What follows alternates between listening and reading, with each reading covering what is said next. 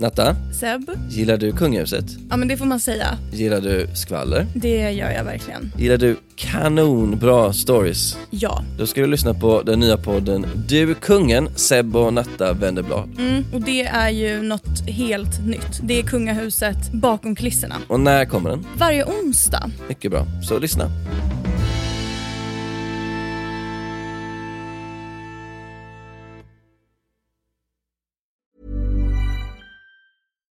Here's a cool fact a crocodile can't stick out its tongue.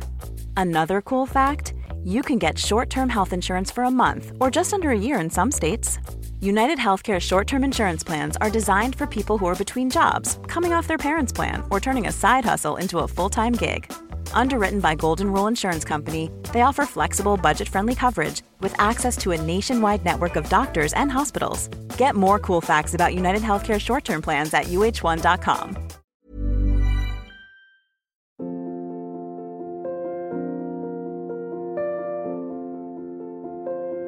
Hallå, hallå, kära lyssnare. Veckans avsnitt av Lätta ditt hjärta har vi här. Och idag ska vi prata om utbrändhet och utmattning.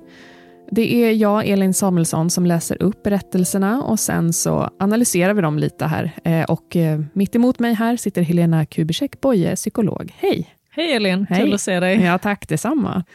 Eh, utbrändhet och utmattning, det kan man väl nästan kalla för en, en folksjukdom, eller?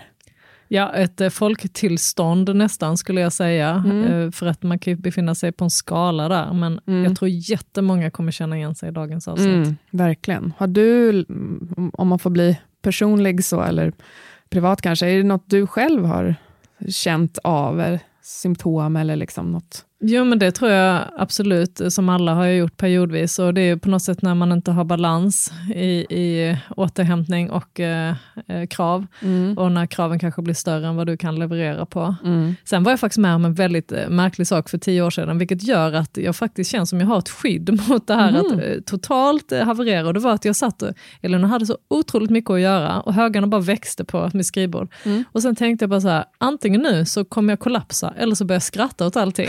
och och eh, på något sätt så började jag skratta och sen dess har jag inte tagit saker så himla allvarligt.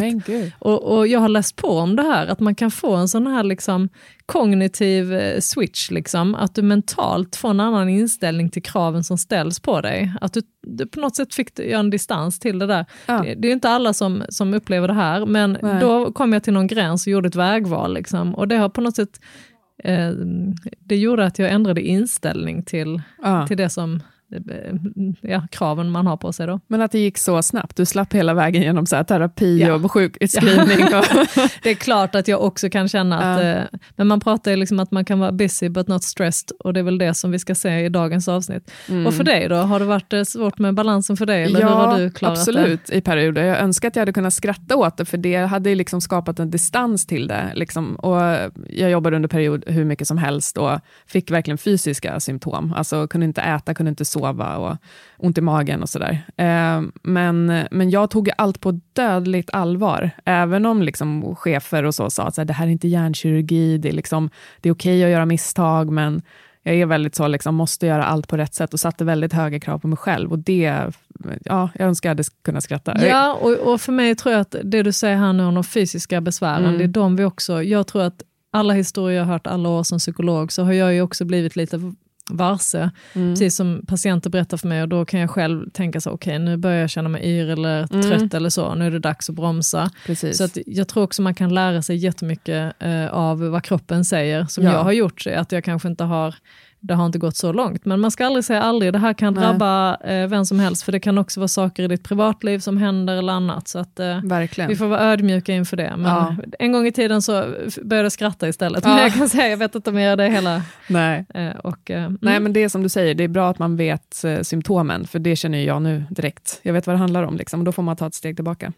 På gott och ont så är utbrändhet, men vi, vi går lite djupare in på det här nu med läsarberättelserna. Och den första eh, vi får höra det är om Anna. Eh, hon drömmer om ett eh, rofyllt liv, men vägen dit, det är då det tar stopp.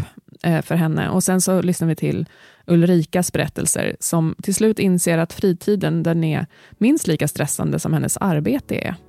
Och eh, ska säga det, berättelserna är anonyma och namnen är utbytta här. Men vi lyssnar på den första berättelsen.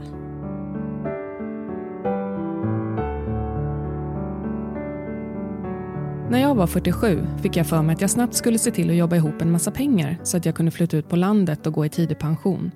Jag förstod att det skulle krävas en hel del slit för att nå mitt mål så jag tog så många extrajobb som bara var möjligt. Under en period gick det också riktigt bra, tills allt vände.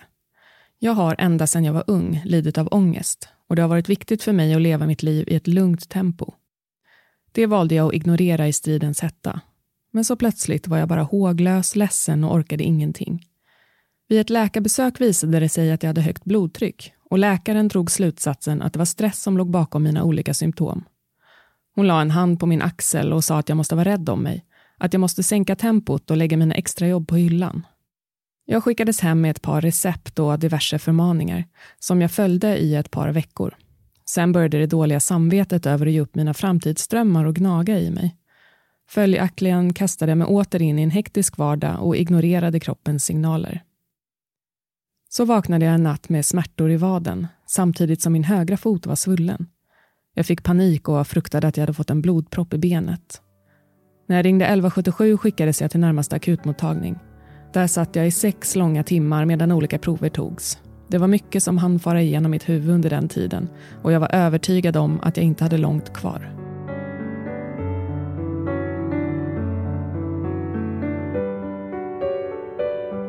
Där tar vi en liten paus som vanligt i berättelsen.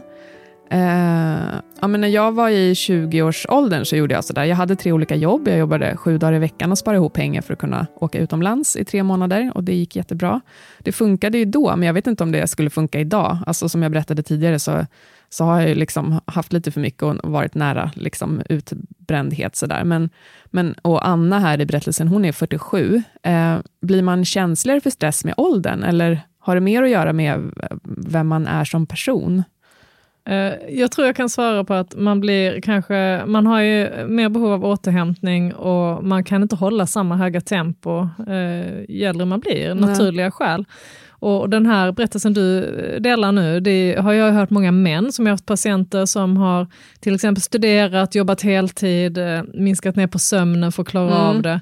Och sen plötsligt så, de kan vara i 25-30-årsåldern så pass unga, så plötsligt så får de den här typen av fysiska reaktioner. Liksom. Alltså, mm.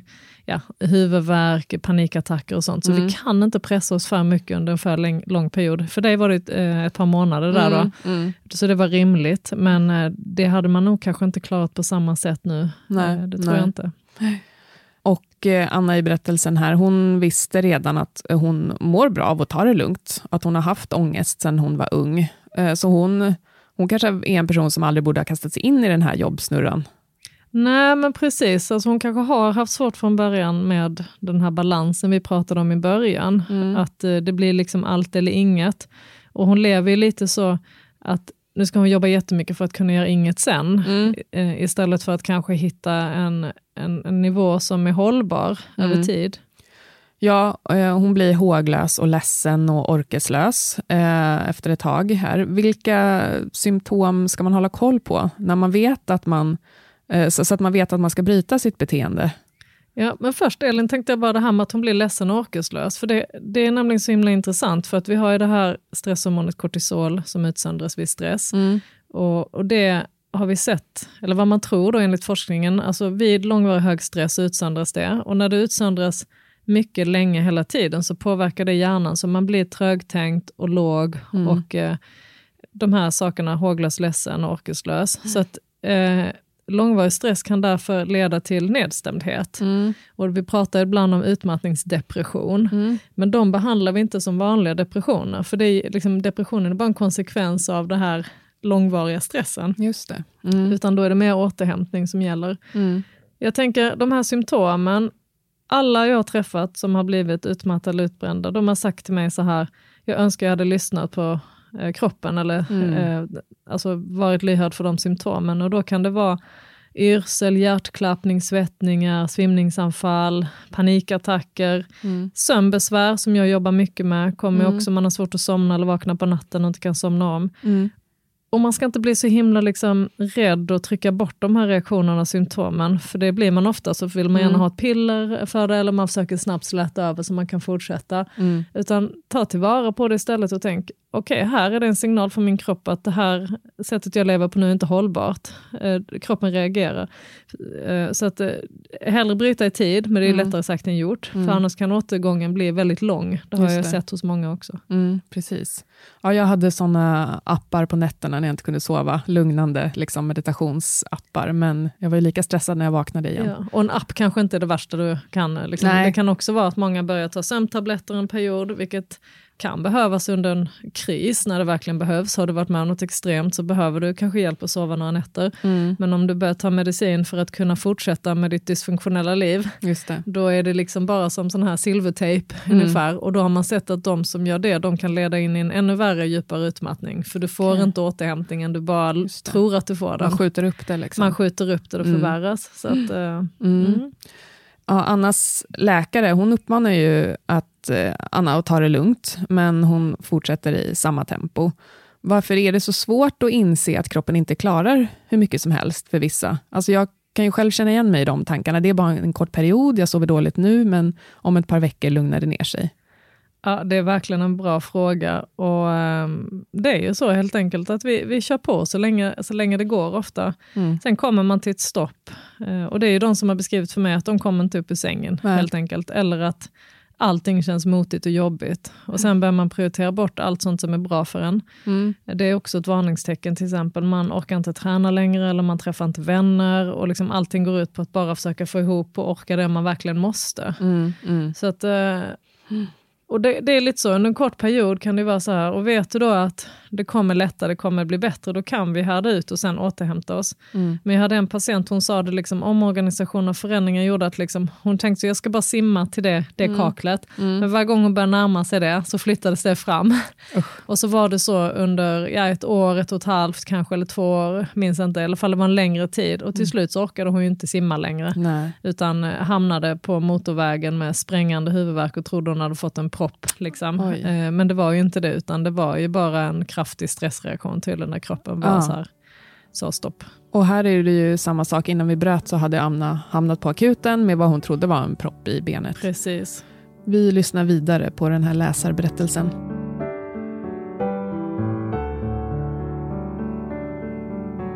Till slut fick jag lyckligtvis den goda nyheten att det inte handlade om någon propp utan vätskeansamling som förmodligen hade samband med mitt höga blodtryck. Därefter kom jag till en läkare som var otroligt rar och tog sig god tid för mig. Precis som min egen läkare poängterade hon hur viktigt det var att jag tog mina symptom och min ångest på allvar. Jag kände mig dum, för det där visste jag ju mycket väl. Jag hade bara varit så besatt av att tjäna alla de där pengarna som skulle göra mitt liv så mycket bättre. Men vad ska man med pengar till om man ändå inte är i livet och får glädje av dem? Jag gick därifrån med ett slags förnyat livsmod. Det var inte så att jag fått höra något som jag inte känt till de senaste 20 åren, men jag hade ändå fått uppenbarelsen att det var dags att växla ner och leva livet efter mina egentliga värderingar. Och då spelade pengar mindre roll, även om de förstås är bra att ha. När jag kom hem den eftermiddagen, trött men upprymd, satte jag mig med kaffe och anteckningsblock och började skriva ner tankar om min nya tillvaro med hälsa och livsglädje i fokus. Jag hade länge inspirerats av en så kallad långsam livsstil där man tar saker med ro och lever mer i nuet. Det var ju egentligen de tankarna som fått mig att gå igång med att försöka tjäna så mycket pengar som möjligt på kortast möjliga tid. Allt för att kunna förverkliga mitt mål på sikt. Men varför inte istället bara starta här och nu? Sagt och gjort. Jag sa upp mina extrajobb och behöll bara mitt frilansjobb där jag bestämmer över min egen tid. Jag har börjat gå långa promenader, ta mig tid för olika fritidsintressen och värdesätta vardagen. Det var inte alls svårt. Fortfarande drömmer jag om att kunna flytta ifrån min lägenhet och ut på landet. Och det tror jag nog ska gå så småningom, även om jag idag drar in mindre pengar. Istället har jag börjat spara där jag kan och köpa begagnat. Dessutom är jag en riktig hemmamänniska och det är lyckligtvis ett billigt nöje. Men det viktigaste jag har lärt mig, det är att se till att njuta av resan och inte bara fokusera på målet.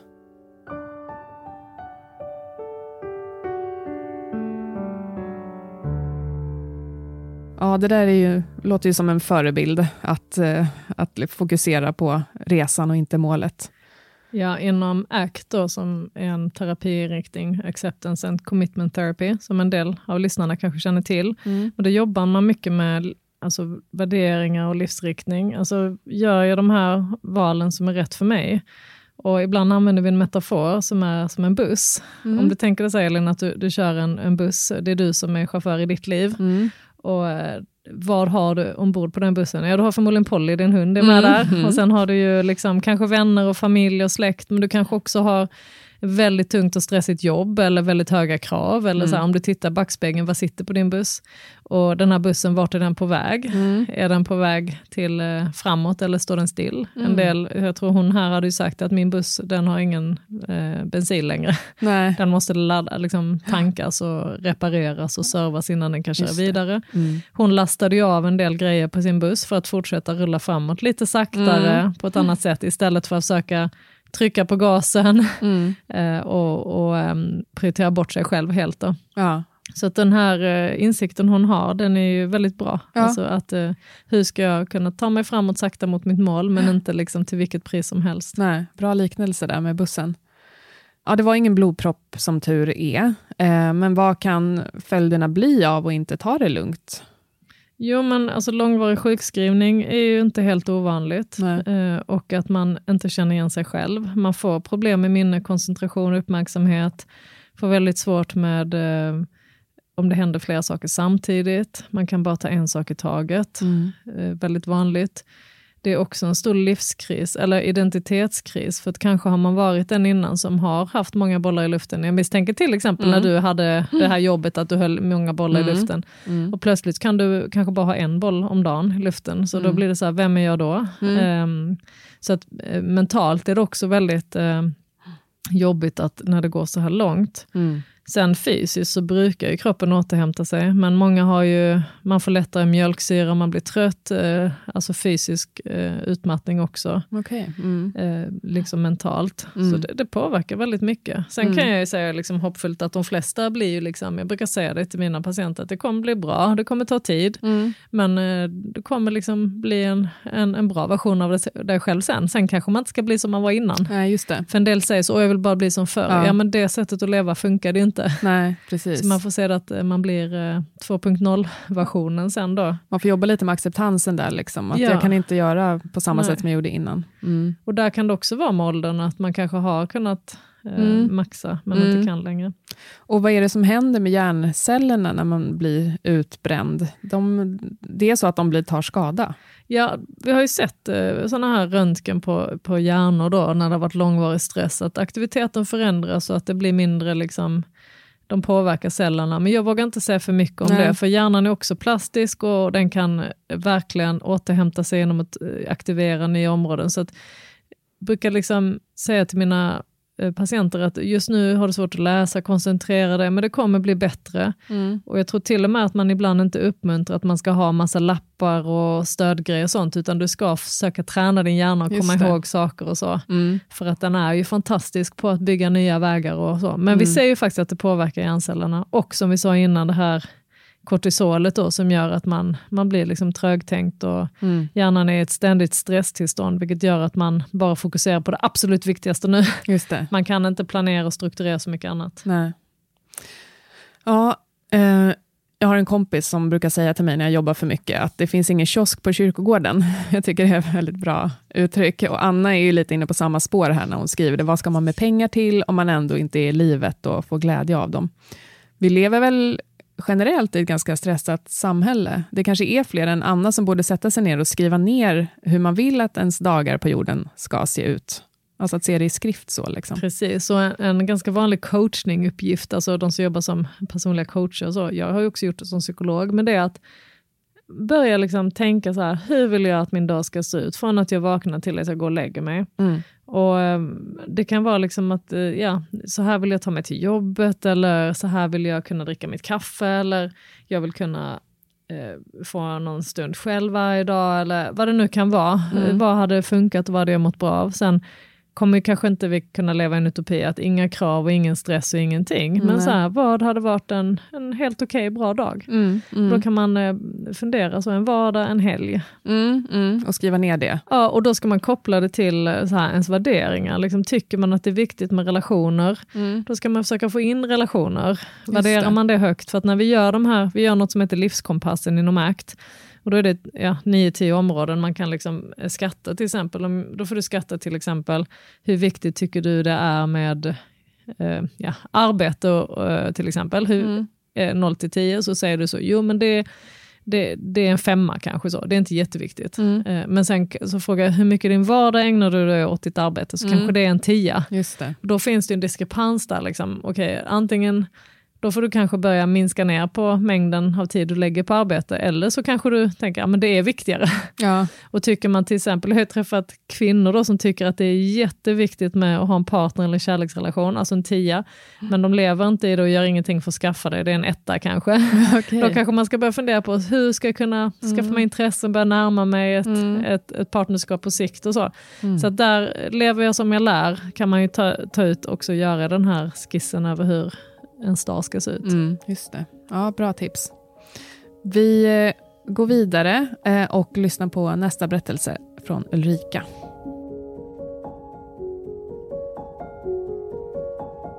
I vår vänskapskrets pratades det ofta om hur mycket alla hade att göra på jobbet. Det var inte bara oändligt mycket övertid, utan framförallt stressigt under den vanliga arbetstiden. De flesta har karriäryrken, så det var väl kanske inte så konstigt. Och även min man och jag kände oss utbrända till och från. Min man Peter öppnade en egen revisionsfirma för ett par år sedan och det var först nyligen som han kunde anställa ytterligare två revisorer så att han kunde släppa en del uppdrag. Själv arbetade jag som projektledare på en mindre reklambyrå och i perioder hade vi väldigt mycket att göra. När vi inte hade det kände vi oss istället stressade över att inte ha tillräckligt med projekt och ägnade all tid åt att ragga nya kunder till byrån. Peter hade en son när vi träffades och tillsammans har vi nu tre underbara ungar i åldrarna 3 till 14 år. Även familjelivet måste ibland skötas som ett projekt för att det ska fungera. Inte minst när det gäller logistiken av ungarnas träningar och aktiviteter utanför skolan. När vi kände oss trötta och slitna tog vi för givet att det berodde på att vi var utarbetade. Det var först när jag själv brände ut mig under förra vintern som jag kom i kontakt med en beteendevetare som hjälpte mig sätta fingret på vad det var som inte stämde i våra liv. Terapin gick ut på att hon fick mig att prata om allt som dök upp i mitt huvud. Den första gången pratade jag bara på mitt arbete och repeterade i stort sett samma saker som vi alltid pratade om när vi träffade våra vänner. Hur mycket vi hade att göra på jobbet. Den andra gången var jag på väg att dra samma sak igen när hon avbröt mig och istället bad mig att berätta om familjen och fritiden.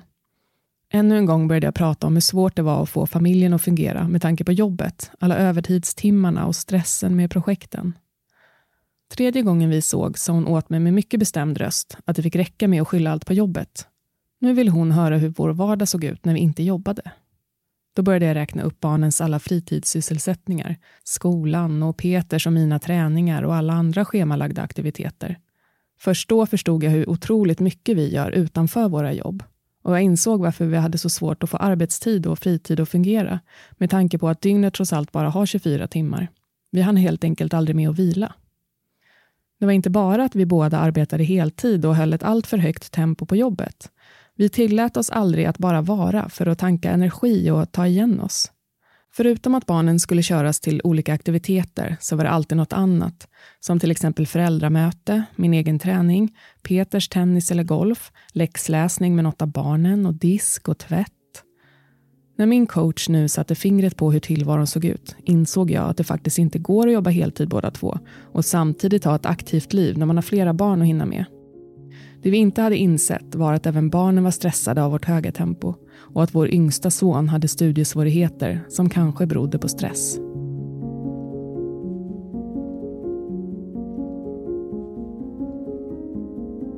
Ja, där pausar vi lite i berättelsen. Till och med deras son visar symptom på stress. Och Det är ju allvarligt, tänker jag. Hur lätt påverkar det barn egentligen av föräldrar som är stressade? Om vi börjar där.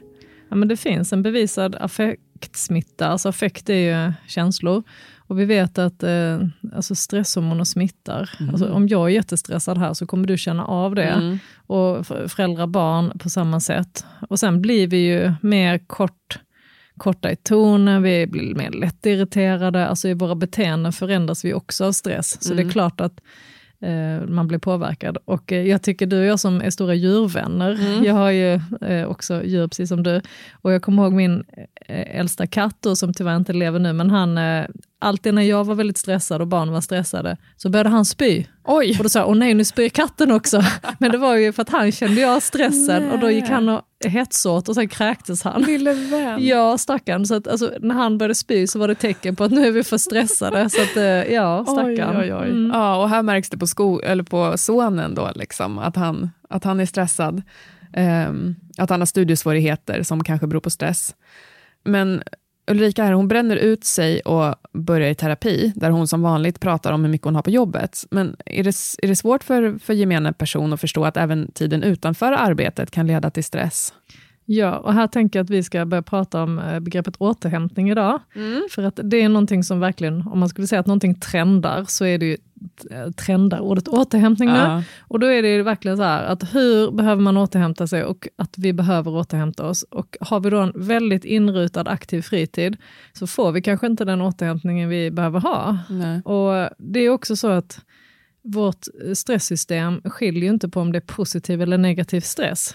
Eh, och det vill jag alltid påminna om. Mm. Alltså det, om du eh, skyndar dig till ett jobbigt möte du ska ha, du springer du är stressad eller du sitter i en bilkö, så aktiveras ju ditt stresssystem och hjärtat slår snabbare, du kanske Mm. andas ytligare, du börjar svettas, du kanske sitter och svär mot trafiken. Eh, din kropp reagerar, alltså det sympatiska nervsystemet aktiveras. Mm. Eh, på samma sätt om du sitter på, ska på väg till en jätterolig fest liksom, och du behöver skynda dig, Mm. så, och det här känns jättekul, liksom, så är det samma system som aktiveras. Så att hjärnan, eh, det hjärnan skiljer kanske, alltså kroppen skiljer inte på positiv och negativ stress. Okej. Så även om man då tycker att sin fritid är väldigt kul och stimulerande och allt sånt, så är det samma reaktioner i det sympatiska nervsystemet som är igång. Det är inte så att hjärnan bara så, oh, nu är det positiv stress, då sätter vi igång en annan reaktion. Utan det kan fortfarande vara hög hjärtklappning och, och stresssystemet, även om det är något positivt. Därför är det många som missar det här, tror jag, att eh, den fritiden kan vara eh, stressande. Det där har jag hört många gånger och jag tror jag själv har sagt också, men nej, men det här är positiv stress. Alltså jag, jag blir inte dåligt eh, påverkad av det. Men Och även det om, känns ju bättre såklart, för den är ju inte negativ i tanken, men Nej. kroppen reagerar likadant. Och den här återhämtningen där vi får gå ner i varv, koppla av och, och ta det lugnt, den, den kan vi missa då. Mm, och jag hörde mm, på nyheterna eh, för ett tag sedan om företag som har börjat införa det på schemat, återhämtning. Alltså att man måste gå eh, en, ut en promenad eller liksom koppla helt av en halvtimme på jobbet och att det hade positiva effekter. Precis, jättebra. Så Mm. det, det ska vi prata lite mer om i slutet, Mm, tänker jag. Mm. This Mother's Day, celebrate the extraordinary women in your life with a heartfelt gift from Blue Nile. Whether it's for your mom, a mother figure, or yourself as a mom, find that perfect piece to express your love and appreciation. Explore Blue Nile's exquisite pearls and mesmerizing gemstones that she's sure to love. Enjoy fast shipping options like guaranteed free shipping and returns. Make this Mother's Day unforgettable with a piece from Blue Nile. Right now, get up to 50% off at BlueNile.com. That's BlueNile.com. One size fits all seems like a good idea for clothes until you try them on. Same goes for healthcare. That's why United Healthcare offers flexible, budget friendly coverage for medical, vision, dental, and more. Learn more at uh1.com. Och eh, Ulrika skriver här att familjelivet ibland måste skötas som ett eh, projekt. Man tänker kanske inte alltid på att planering av fritidsaktiviteter och middagar och sånt nästan är som ett arbete i sig. Ja, men det är det och ja, nu ska vi inte generalisera, men jag tror det är vanligare att en del kvinnor känner igen sig i det här. Att det är, man står för någon sorts eh, bas i logi- logistiken. Det kan vara männen också, det behöver inte alls vara så här. Eller den andra partnern. Men oftast att en i familjen gör det mer. Och sen kan det även vara ensamstående som har allt ansvar själv. Och, eh, och sen kanske man har höga förväntningar på hur man vill att det ska vara. Och, och då, då kanske man liksom driver på det lite för mycket. Jag kan se ibland att familjer har, liksom, barnen har så här, två, tre aktiviteter de ska få in, plus skolarbete och vänner. Det blir jättestressigt för både barn och, och vuxna. Visst. Och, och sen eh, har man då kanske lite perfektionistdrag också, att det ska vara bra, det ska funka. Då kan man vara i riskzonen. Mm. Får lägga ner eh, ribban lite kanske. Vad finns det mer för saker än jobb som, och eh, fritid då, eh, som kan utlösa ut- utbrändhet? Jag tänker om så här, Man kanske har barn med olika svårigheter och partner som mår dåligt. Man kanske har föräldrar som börjar bli äldre och man måste ta hand om och så. Ja, en del av våra lyssnare befinner sig kanske i det vi har nämnt tidigare, om jag minns, med sandwichåldern, där man Mm. är klämd mellan barn som har, behöver en väldigt mycket, alltså tonåringar eller äldre som eh, inte flyttar hemifrån, och sjuka föräldrar som behöver mycket stöd och eh, omvårdnad kanske. Så att den åldern är ganska kritisk, eh, för då minskar ens utrymme själv plötsligt.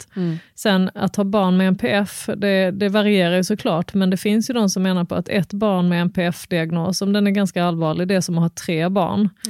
Och återhämtningen blir inte lika lätt oftast, eh, för du har ett ständigt fokus och arbete med det här. Eh, Ja, men anhöriga som är sjuka som du nämner också. Och sen eh, just när det blir för mycket både på jobb och fritiden, så vi inte får, för ibland kan faktiskt jobbet vara det som är återhämtande. Alltså har man en väldigt eh, tuff fritid på något sätt, eller det kan också vara så, inte här var det positiva aktiviteter, men är det väldigt tungt hemma och så, då, då kan en sjukskrivning vara jättedålig, för att egentligen är det på jobbet man får liksom hämta energi och man får vara som vanligt och komma hemifrån och så.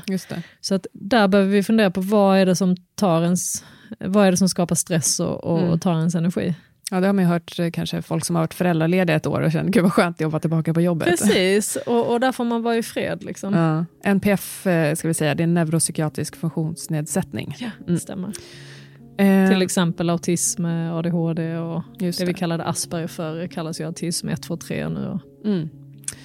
Ja, men vi lyssnar vidare här på Ulrikas berättelse och ser hur det går.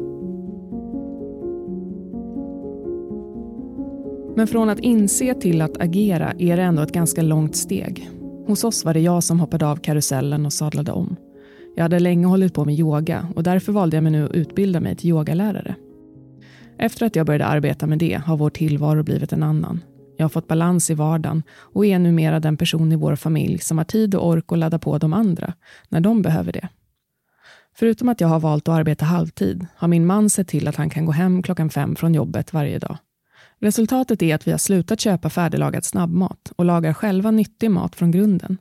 Det går bättre för vår yngsta son i skolan och vi har fått en annan kvalitet hemma nu när vi har tid för att lyssna på våra barn när de kommer hem från skolan. Oavsett vem man är så hinner man inte arbeta så mycket som vi gjorde och samtidigt ha en så aktiv fritid som vi försökte ha. Det slutar med att man bränner ut sig.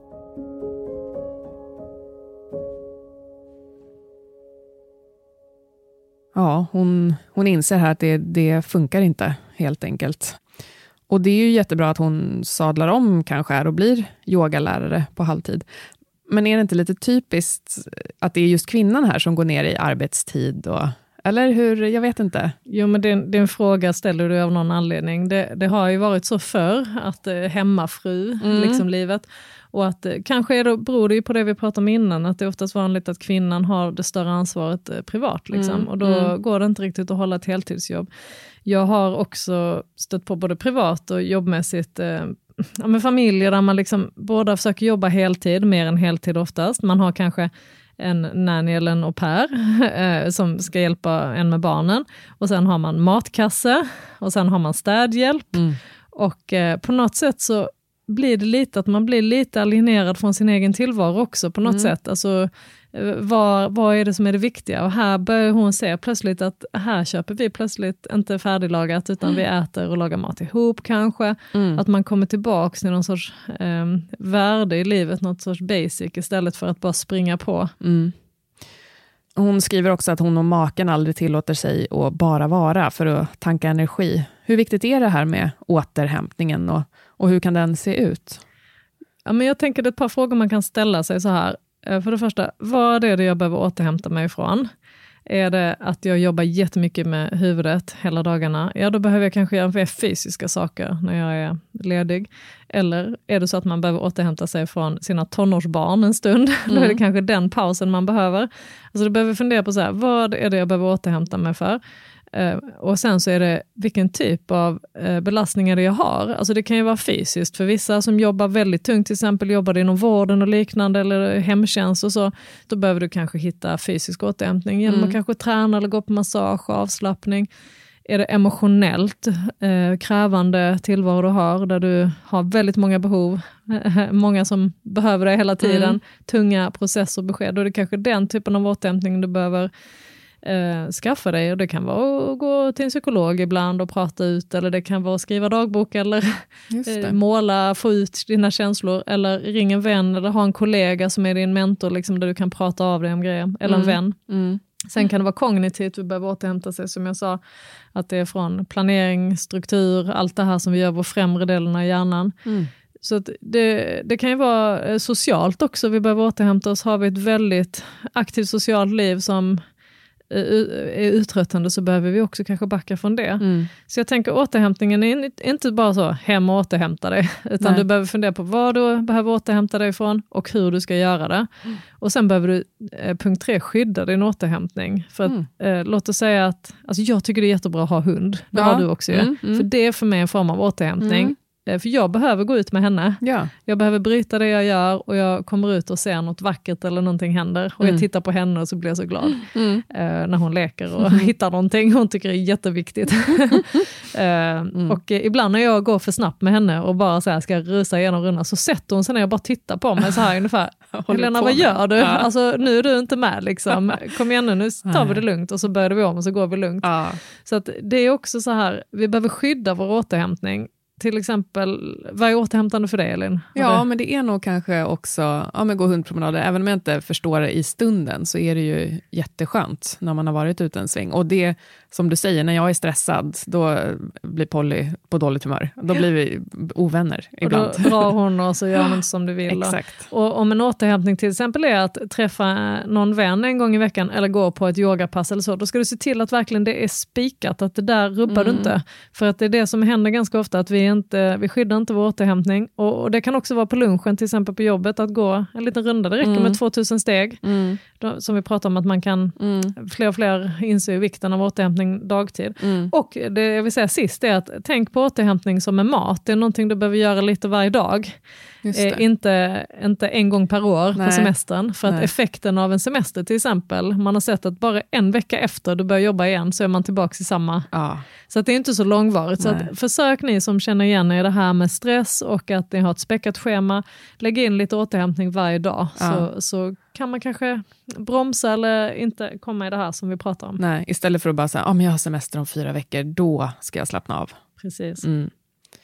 Ja, men till sist då, Helena, har du något mirakeltips? Hur får man ihop livspusslet?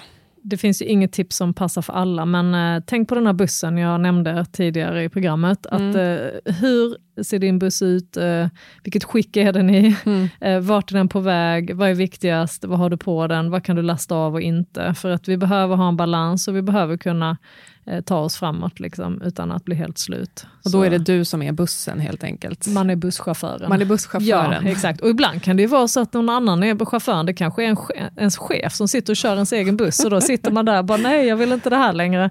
Så det ska man börja med att tänka så här att jag kör min buss i Ja. mitt liv. Just det. Eh, Och sen livspusslet, sänk kraven, vi pratade om det. Alltså, eh, sänk kraven och förväntningarna lite. Det kan vara det som behövs göras. Eh, Förenkla lite Mm. Eh, och lyssna på kroppen. Toppen. Stort tack för det. Då säger vi tack för idag och eh, som vanligt vill jag uppmana er att gå in på vår sajt allas.se och läsa fler läsarberättelser om du är sugen på det. Vi hörs nästa vecka. Hej då! Hej då Elin!